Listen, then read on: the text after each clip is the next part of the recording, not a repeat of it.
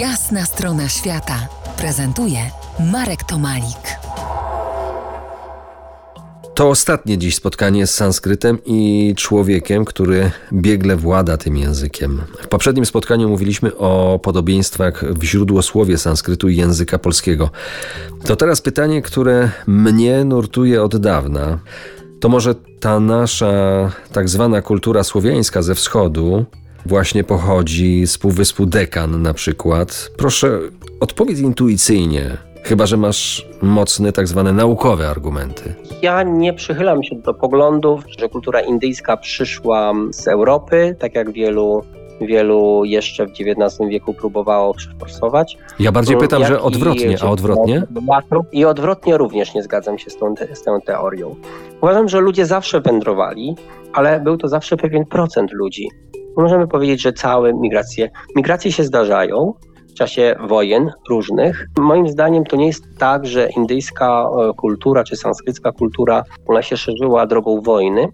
Byli ludzie wykształceni, bardzo wykształceni i byli kapłani również, którzy wykonywali pewne obrzędy i byli zapraszani na różne dwory.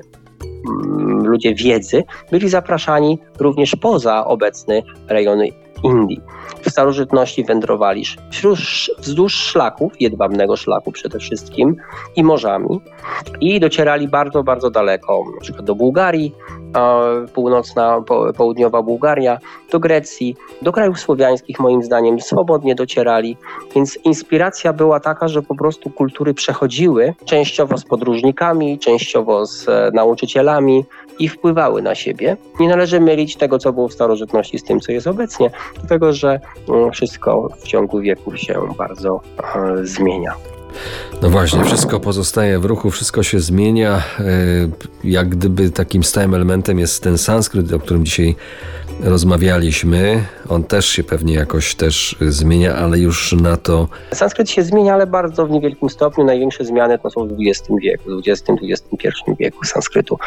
Ale jako taki, jako język przez całe, całe setki lat funkcjonował podobnie. To, co zostało sformułowane w V wieku przed naszą erą, jest całkowicie zrozumiałe dla tych, którzy, którzy mm, władają współczesnym sanskrytem takim XVII, XVIII, XIX wiecznym ma nieskończony potencjał rozwoju w obrębie, w, samym sobie, nie musi, nie musi zmieniać jakby się w inny język, jest cały czas tym samym językiem.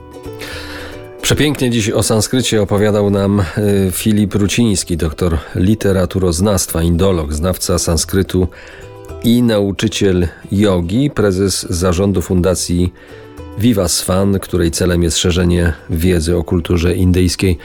Bardzo dziękuję Ci, Filipie, za tutaj Twój czas dla nas. Bardzo dziękuję Ci, Marku. Bardzo dziękuję również wszystkim słuchaczom radia RMF Classic. To była jasna strona świata w RMF Classic.